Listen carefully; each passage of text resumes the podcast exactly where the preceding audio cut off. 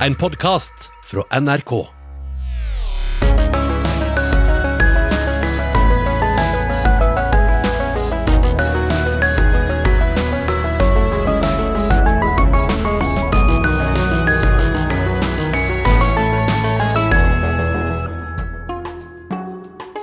Han er tidligere barneombud, og mener norske barn har fått det bedre under koronakrisa. Hun er barnebokforfatteren som vil gi barna et språk for de vanskelige samtalene.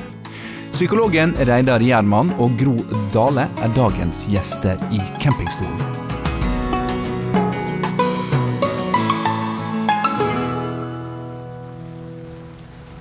Men så er det jo sånn da at akkurat i dag så står campingstolene igjen på brygga. For du vil jo aller helst ha oss om bord i seilbåten din, Reidar.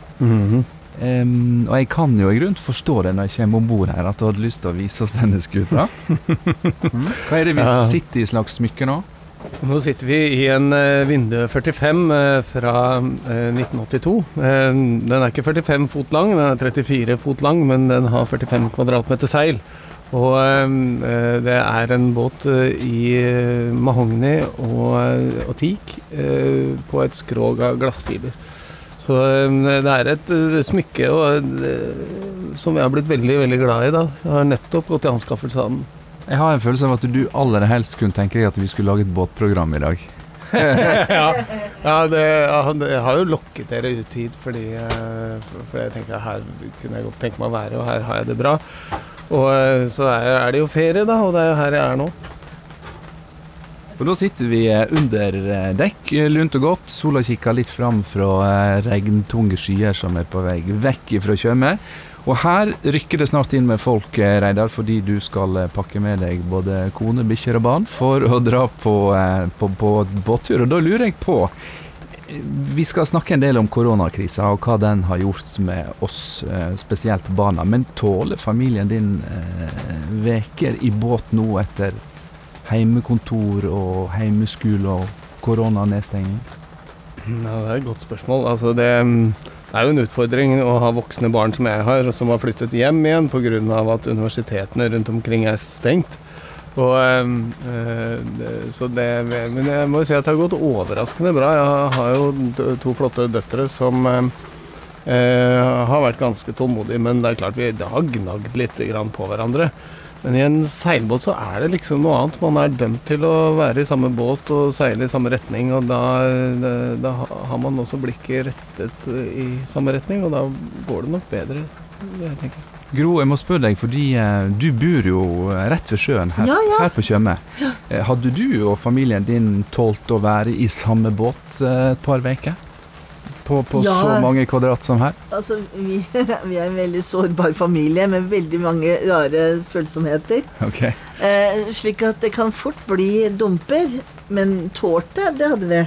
Og vi har i grunnen vært veldig mye sammen de siste Altså fra 12. mars til nå. Altså sønnen min har hatt hjemmekontor hjemme hos oss. Eh, og, og samboeren hans har flytta inn. og jeg har eh, døtrene mine hos mormor like ved. Så vi har sett veldig, veldig mye av eh, voksne barn, vi også. Og det har vært superfint. Veldig, veldig fint. Egentlig har det vært bedre med korona enn det er ellers. For det er nettopp det vi skal snakke om i dag i seilbåten til Reidar Gjerman. Hvordan har koronakrisa påvirka spesielt norske barn? Og hvordan eh, skal vi voksne forholde oss til barns psykiske helse? Og da var det jo helt rett og rimelig å tromme sammen eh, barnebokforfatteren Gro Dale og mannen som er kjent som tidligere barneombud Reidar Gjerman. Og da vil jeg spørre deg, Gro, fordi du er jo kjent for å vende deg både i skrift og bilde til eh, barn som har skal vi si, større utfordringer og vansker enn det barn skal ha. Hva tror du koronastenginga har gjort med, med den gruppa som du er spesielt opptatt av? Ja, jeg er opptatt egentlig av to grupper sårbarheter. Den ene gruppen med sårbarheter, det er de som er utsatt for sosial sårbarhet. Altså hvor det er omsorgssvikt, eh, alkoholisme, rusmisbruk, vold i hjemmet, incest. Den type eh, sårbarhet, den eh, er en annen type enn den sårbarheten som går på kanskje nevrologiske og, øh, bakgrunn, da. Med ADHD, Asperger, øh, ja, den type ting. For da tror jeg for den ene gruppen, altså de som da kanskje har Asperger og ADHD og ADD og, og alle disse tingene her, så tror jeg faktisk at det har vært øh, fin tid. Eh, og med korona, og ha hjemmeskole. Og ta det litt roligere. Ja, vi har jo en familie med en sånn nevrologisk lapskaus, hvor alle i familien har en eller annen diagnose. Og vi har jo, jeg, barna er vokst opp med hjemmeskole eh, hos meg, og det var eh, beste løsningen for oss. Men for de familiene som da har den sårbarheten i at det er eh, ja, vold eh, og, og overgrep og, og alkohol og rus og omsorgssvikt, den gruppen den eh, er jeg mye mer bekymra for, da. Reidar, det er jo meldt nå etter nedstenginga om færre tilfeller av overgrep, voldsbruk og misbruk. Um, har du som psykolog, for du jobber på barne- og ungdomspsykiatrisk klinikk i Tønsberg, har dere nå fått et, hva skal vi si, et renn, ei etterdønning etter den stenginga? Ja, jeg vil vel kanskje si det at uh, under, under korona så jobbet jeg også hver dag, og det var ekstremt lite henvendelser til oss. da. Eh, vi fikk, eh, det var dager hvor vi ikke fikk en eneste henvisning til eh, BUP i Tønsberg. da. Det var såpass at vi måtte gå ut i avisen og si at hallo, vi har ikke stengt. Vi, det er åpent, og hvor, hvor er dere? Og det er klart, er man, har man anoreksi, så har du det selv om det er korona. Mm. er du utsatt for seksuelle overgrep, så tror jeg ikke de stopper pga. korona. Men de tingene som kan være litt sånn stressrelaterte i familien og på skolen, de kanskje blir litt mildere i kantene når, um, når, når man har en situasjon som legger en sordin på hele samfunnet.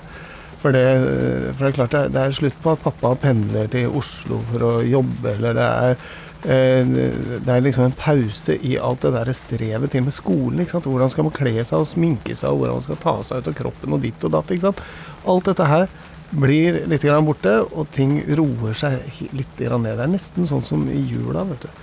At det, er, eh, at det blir litt sånn julestemning eh, midt på vårparten, og det er eh, det er ganske fint for mange. Men Gro var inne på det. Det er klart at det, de som er i en sosial sårbarhet, eh, det er utsatte barn, og de er også utsatt når det er krise i samfunnet. Men har de barna uh, hatt det på noe vis også bedre, mener du? Eh, De som har Du vet at det handler om, om, det handler om såpass eh, sånne ting som hvor- stor er den leiligheten vi bor i? Altså eh, Har du liksom 40 kvadratmeter og fem stykker som bor der, så kan det være ganske trangt og strevsomt. Det er litt sånn som vi har det nå. Litt sånn som vi har det nå, ikke sant? Og vi, eh, hadde vi vært dømt til å leve sammen her sånn nå, og, og hjemmeskole og hjemmekontor og alle mulige slags ting, det tror jeg jammen ikke det hadde gått bra, altså, uansett hvor godt jeg liker dere. Så det er um, um, så, det, så det, har, det er jo litt grann sånn Er man i en marginalisert situasjon fra før, så blir det jo kanskje ikke så mye bedre.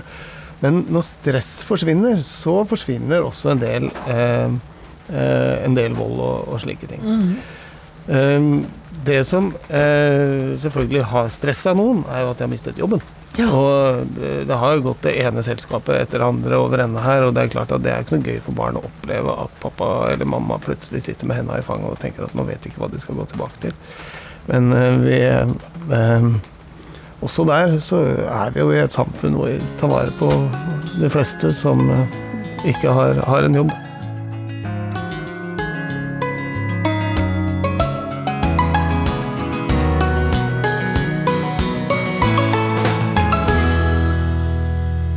Hører på To i campingstol på NRK P2, i dag fra seilbåten til psykologen og den tidligere barneombudet Reidar Gjermann i havna på Mågerø på Tjøme. Vi er her sammen med barnebokforfatteren Gro Dale.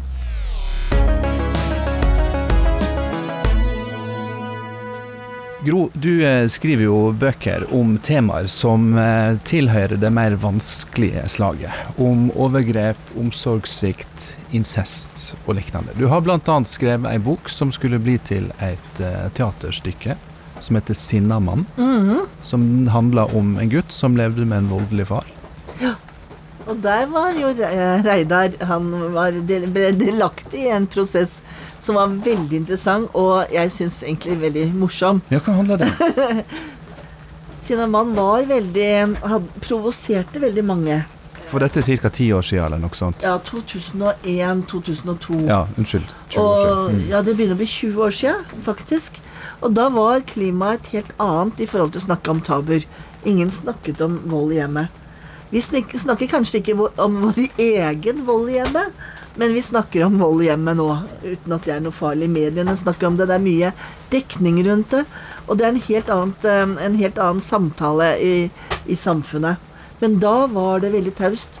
Og da mente jo da eh, ikke psykologer, men lærere og bibliotekarer mente at det skulle ikke snakkes om vanskelige temaer, og i hvert fall ikke vold i hjemmet, med barn. At det var uheldig, og at det var farlig. Så det ble vanskelig å få sette opp dette stykket på norske skoler da? Ja, da ville jo ikke skolene ha, ha besøk av dette teater, eh, te- teateret.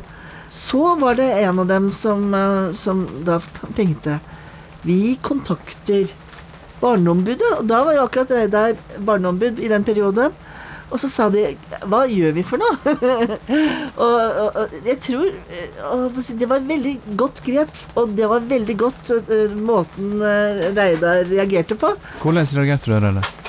Ja, Hjelp meg litt på husken her, 20 Gro. Dette begynner å bli en gammel mann. Jeg tror du skrev et brev, stemmer ikke det, Gro? Hans... Ja, for du, du skrev brev, et, et, fe, et, fellesbrev til Ja, ja, ja, skolene. Ja, ja, ja, sånn. Og der måtte de søke deg om lov til å si nei til dette teaterstykket.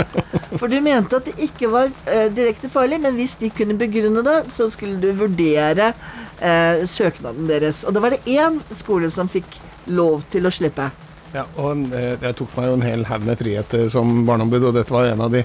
Jeg hadde jo ikke noe makt til å verken eh, si det ene eller andre til noen, eh, men det er rart med det. Når man sitter i en sånn rolle, så kan man jo bare ljuge på seg en del sånn definisjonsmakt. Du, du gjorde jo en del andre ting som barneombud også. Ikke alt var kontroversielt, men du oppretta bl.a. ekspertgrupper med barn og ungdom som skulle høres eh, og gi innspill til beslutningstakere, politikerne. Hva var poenget med det den gang? Vel, altså, eh, tanken var at, ehm, at jeg rett og slett eh, Jeg hadde jo ikke sittet i fengsel, eh, sånn som en del barn har vært. Eh, jeg har ikke eh, vært utsatt for incest. Jeg har ikke vært utsatt for vold. Og eh, dermed så måtte jeg jo høre litt med de som da eh, faktisk har de erfaringene, og, eh, om hvordan dette er, og hvordan møtet deres med hjelpeapparatet eh, var da. Og blant annet så hadde jeg da en eh, ekspertgruppe som endte opp med en rapport som het 'Eksperter på incest'. Og de ga da råd og innspill til, til myndighetene. Endte opp med bl.a. alarmtelefonen for barn, som, som jo eksisterer en dag i dag. Eh, Fordi de sa herregud, det er jo ikke noe sted å ringe. ikke sant? Det er jo ingen, Vi kan ikke ringe 112, for de tror jo ikke på oss. Um, disse var da med til, um, etter at de var, uh, etter at de var over uh, Gruppen vi hadde truffet hverandre en god del ganger, så, så tok jeg kontakt med hoffet. Uh, og så uh, Og du, du har jo kongen med i Sinnamann, ikke sant? Ja, ja, ja. Og så, eh, og så eh, tok jeg kontakt med Hoff, og så fortalte jeg om denne gruppa. da. Og så, ja, Det var jenter som var utsatt for incest, som man kom med en hel haug med gode råd om hvordan man bør innrette samfunnet for at det, man skal forebygge og, og møte barn som har vært utsatt for incest også på en god måte. Em, ja, interessant, em, sa hun hoffdamen da, som vi tok kontakt med. Og så eh, kom det en telefon tilbake samme dag. Um, ja, eh, kongen ville gjerne treffe dere, men, eh, men eh, dronningen lurte på om hun også kunne få være med. Og så eh, reiste vi da til slottet, og de kledde seg i, i, i finstasen og, og kom opp dit. Um, og, og satt inne på dette rommet, innenfor fuglerommet på slottet, og, eh, og så satt han eh, Satt kongen da, og så kikka han rundt på dem, og så sa han Det er ikke deres skyld. Ja. Tenk det. ja. Og, eh, og den dag i dag så kan disse jentene som jeg da eh, har kontakt med, med, med para di, og særlig den ene kan si da at det, det, da, da skjedde det et eller annet i meg. Ikke sant? Og kongen sier det. Det er ikke din skyld.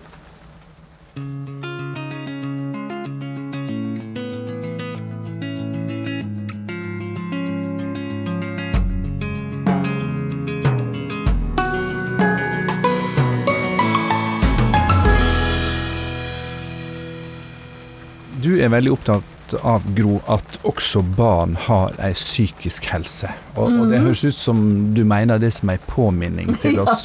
Hvor- Hvorfor det? Ja, altså Man kan nesten tenke at barn ikke har menneskerettigheter. De er prisgitt familien sin. De er prisgitt eh, de foreldrene de tilfeldigvis, eller kanskje ikke tilfeldigvis, men som de endte opp hos. da. Og det er ikke alle familier som klarer å ta vare på menneskerettighetene til barna. Og, og jeg tenker da at, eh, altså at, at de da har rett til å ha et trygt oppvekstmiljø, f.eks. Det det er ikke gitt. Og, og, og disse barna de, de har også altså da en psykisk helse, da, men den psykiske helsen er det på en måte kanskje ikke så mange som har oversikt over, for den er hemmelig. Eh, og at eh, hvor man har det hjemme, er egentlig i veldig stor grad hemmelig, og spesielt hvis det er negativt. Reidar, som psykolog spør jeg deg nå. Eh, er det kanskje litt fristende for oss voksne av og til å glemme å være så opptatt av barns psykiske helse, fordi vi voksne ofte har vært med å prege den? Vel, altså, ja, det, det er det. For noen er det det, faktisk. Og um, noen ganger så tenker jeg at uh, det, det, Og jeg har til og med sagt til foreldre at uh, altså, hun er nå hos psykolog fordi at dere har gjort det vanskelig for henne. Å, og ikke bare har dere skilt dere, og det må dere få lov til, men den kampen som dere har gående, dere to imellom, den, eh, det, det, sånne kamper er det ingen barn som kommer helskinna fra. Det er rett og slett ikke mulig. Så eh, før dere legger ned våpnene, så kommer ikke hun til å få det bra. Hun kan gå til psykolog i evigheter, men det blir ikke bra før dere legger ned våpnene. Hva sier foreldre når de får en sånn reprimande? Og de er jo helt enig. Ja. Ja, ja. ja de er det, for at dette foreldre er jo for, stort sett fornuftige ting, men du vet at når det kommer til, til samlivsbrudd og, og arveoppgjør, så går en rullegardin ned for, for den ene etter den andre, og det er veldig eh, veldig pussig, altså, men vi er jo bare mennesker, vi voksne også. Og det er ikke alltid vi helt klarer oss å eh, også være så rasjonelle som det vi, vi syns at vi burde være. Da. Men da hender det at det hjelper oss å få en, eh, få en litt streng psykolog i stolen på andre sida av bordet. Så, eh, men eh, bortsett fra det, da, så, så syns jeg jo at det, er, det har skjedd voldsomt mye. Takket være sånne som Gro Dale, som har hjulpet oss å sette ord på dette med psykisk helse for barn, så har det, vært, eh, så har det skjedd en oppvåkning. Og av og til lurer jeg på om det har gått litt langt. Altså at man blir eh, At det å ha det fælt eh, skal ha en diagnose, på sett og vis. Der, ikke sant? Og det, det, det er jo mørke dager, og folk skal jo lære seg til å ha det trasig og bruke angst og uro og sånt noe til, på en måte til å veilede en selv. Da. Man skal ikke tenke om alle mulige slags sånn avvik eller annerledeshet som noe som er sykt, og noe som skal repareres på. Det meste går over av seg sjøl. For jeg kjenner noen foreldre som vil ha barna sine utreda for eh, det ene eller det andre, enten det er et spørsmål om ADHD eller andre diagnoser. Og så har jeg spurt ja, er du helt sikker på at du vil ha en diagnose, og hva skal du bruke den til? Hva, hva er psykologsvaret på det? Det psykologsvaret på det, det, det gir jeg jo mange ganger hver dag. Og, og det er Du skal vite det, at i samfunnet vårt, hvis du ser på statistikken, så er det flere barn som er født i desember enn de som er født i januar, som har ADHD. Hvorfor er det sånn? Du er yngst i klassen når du er født i desember, og du er eldst i klassen når du er født i januar. Det betyr at ADHD, som skal være en medfødt nevrobiologisk lidelse, det er egentlig et barn som er umodent og urolig, og som har havna da under lupen hos noen som har vært litt ivrig på å sette diagnose. Så, og når du da først har fått en ADHD-diagnose, så skal det være en psykolog der igjen, eller en psykiater, for å ta bort den diagnosen igjen hvis den ikke lenger er relevant. Og det er ikke alltid at det skjer. Så, og da viser det seg at en som har fått en ADHD-diagnose som åtteåring eller niåring, oppdager plutselig at når han skal inn i militæret, så blir han ikke invitert på sesjon to i det hele tatt, for at de, det er ikke aktuelt. Du kommer ikke inn på politiskolen. Og det er massevis av jobber og sikkerhetsklareringer man ikke kan få bare pga. ADHD-diagnose. Så da skal man være rimelig skråsikker på at den diagnosen er riktig diagnose hvis man skal sette den på et barn som skal leve med den kanskje resten av livet. Men på den annen side så er det også den forklaringsmodellen det er, da. At det kan være en veldig god forklaring, eh, å- å for eksempel med dysleksi. At man ikke er dum, men at man faktisk har vanskeligheter for å skille de bokstavene fra hverandre. Eh, Dysleksi syns jeg er veldig enkelt å forstå, at, det er en fordel med en, med en diagnose. Men jeg tenker sånn i både i, Als, i forhold til Asperger og, og oppmerksomhetssvikt også, at det er veldig fin hjelp eh, for familien. Også ha en forklaring for eh, ja, hvorfor det, ting blir kronglete, da. Du hører på To i campingstol på NRK P2, i dag fra seilbåten til psykologen og tidligere barneombud Reidar Gjerman i havna på Mågerø på Tjøme. Vi er her sammen med barnebokforfatteren Gro Dale. Gro, du eh, er veldig opptatt av, i de bøkene du oftest eh, lager sammen med mannen din, som er Nyhus, eh, av å gi barna det du sier ord på det vanskelige. Gi det et vokabular. Og du leter sjøl etter ord på det vanskelige. Hvorfor er dette et så viktig prosjekt for deg? Jeg syns det er veldig veldig gøy med språk, og spennende med språk. Og så er det i forhold til de eh, situasjonene som er vanskelige, altså vold i hjemmet, incest Altså disse ordene kan, kan bli så store at det er vanskelig å ta i munnen. Og vanskelig å vite hva de betyr, og vanskelig å vite hvordan man skal forholde seg til ord som omsorgssvikt. Har jeg omsorgssvikt? Hva vil det si? Og da på en måte kanskje gjøre det enklere, eh, altså incest, at, at, en, eh, at det er en blekksprut hjemme hos meg, er enklere å forholde seg til enn at jeg blir utsatt for seksuelt overgrep. Altså det, det er eh, noe med terskler. Og derfor er jeg opptatt av å finne ord for det som er trygt, og for det som er utrygt, for det som er farlig, og for det som er ufarlig. Slik at man lettere kan snakke om situasjoner eh, som krever ord, da. og hvor det er så ofte så vanskelig. Altså det, eh, statistisk sett så går det er det 13 år mellom et seksuelt overgrep har funnet sted, til man forteller om det. Eh, Og det, det vil si at det er fryktelig lang tid. Da har man blitt voksen i mellomtida.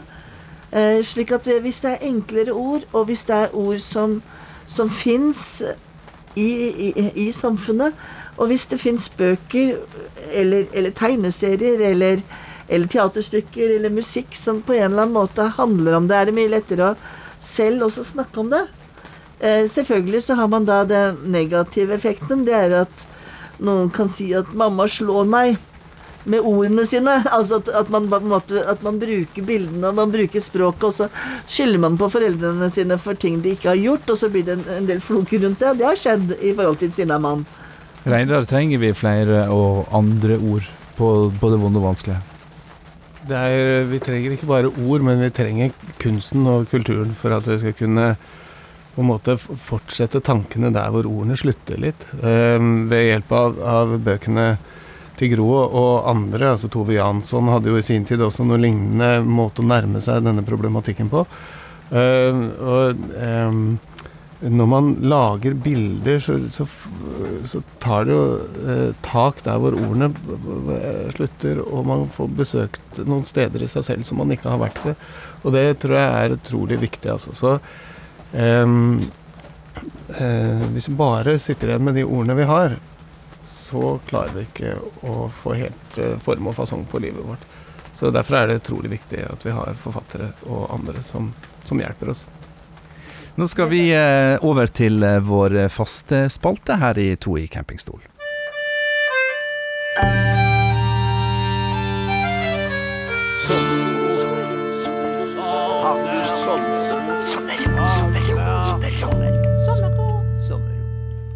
Hei, det her er Henning Sommerro.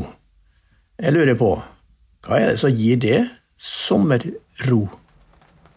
Det er eh, tidlig på morgenen, eh, før de andre har stått opp. Og jeg lister meg ned for å ikke vekke dem og ta meg en kaffekopp, enten jeg er på båten, jeg er på hytta eller jeg er hjemme i huset vårt i Tønsberg. Og så eh, sitter jeg der ute sammen med vår fantastiske hund, som er jo alltid stille og vårt gode selskap. Så eh, da finner jeg sommerrom. Så når psykologen slipper å forholde seg til familien sin tidlig om morgenen, så har han det best? Vel, det er vel når de slipper å forholde seg til meg tidlig på morgenen, da har jeg det beste. For at, eh, det er det, for at det er, når man er alene, så er det jo ingen krav som stilles. Det er ingen forventninger der. Det er eh, ingenting. Så jeg er, en, jeg er et A-menneske og en morgenfugl, og det er nok da jeg har mine beste øyeblikk. I dag har vi snakka om eh, hvordan eh, koronakrisa påvirker norske barn, og hvordan eh, vi voksne skal forholde oss til barns psykiske helse. Men det er jo ikke alle tema det er like lett å snakke med barn om, og det er jo opplevelser som barn verken vil eller kan sette ord på. Hvordan skal vi voksne da snakke med dem om det? Det er tema i morgendagens To i campingstol, med Reidar Gjerman og Gro Dale her i seilbåten på Tjøme.